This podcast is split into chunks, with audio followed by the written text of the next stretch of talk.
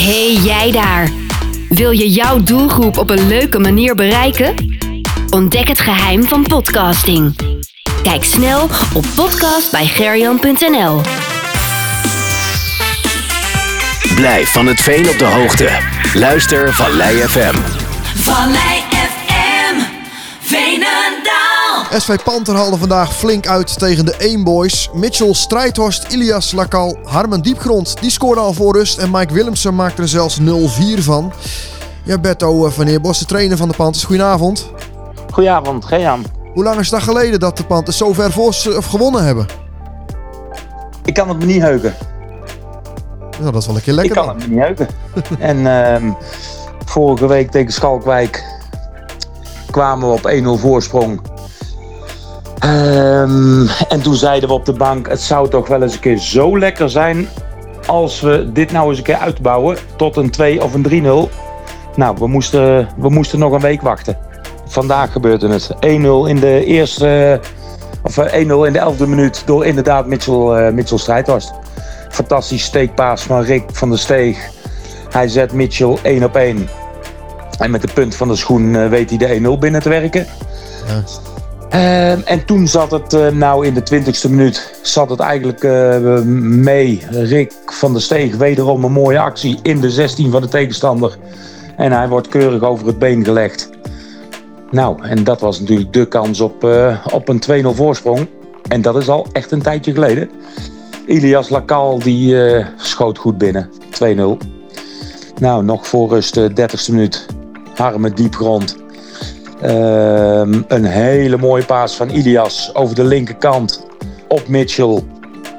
Voorzet. En Harmen die al nou, maanden natuurlijk eruit is geweest.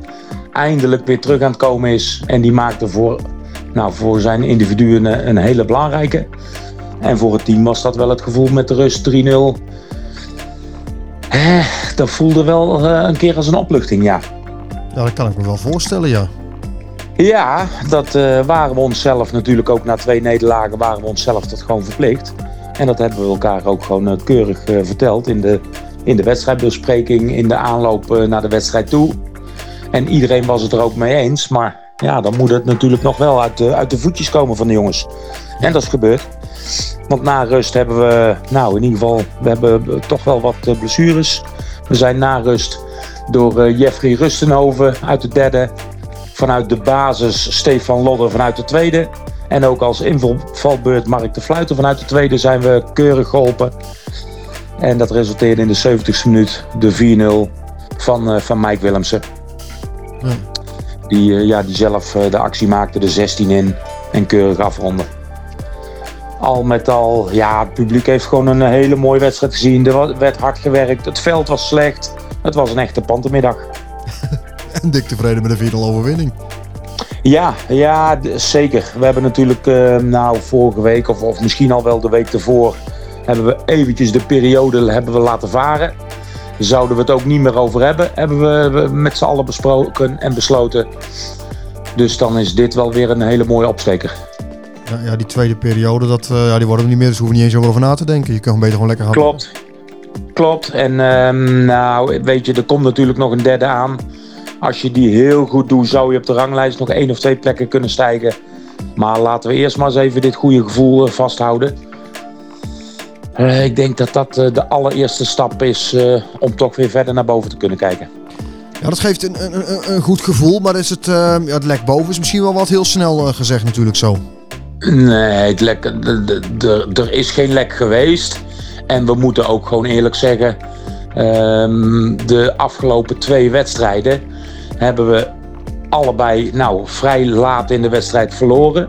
Van de twaalf mogelijke trainingen hebben we er denk ik vijf of zes af kunnen werken. De rest van de tijd is bij ons het veld steeds afgekeurd. Panther heeft geen kunstgras, dus we konden ook nergens terecht. Er is geen zaal te huur. Uh, ja, de omstandigheden waren ook gewoon echt niet best. Ja. Nou, dan, uh, uh, we betroffen vandaag natuurlijk een tegenstander die niet zo hoog op de ranglijst stond.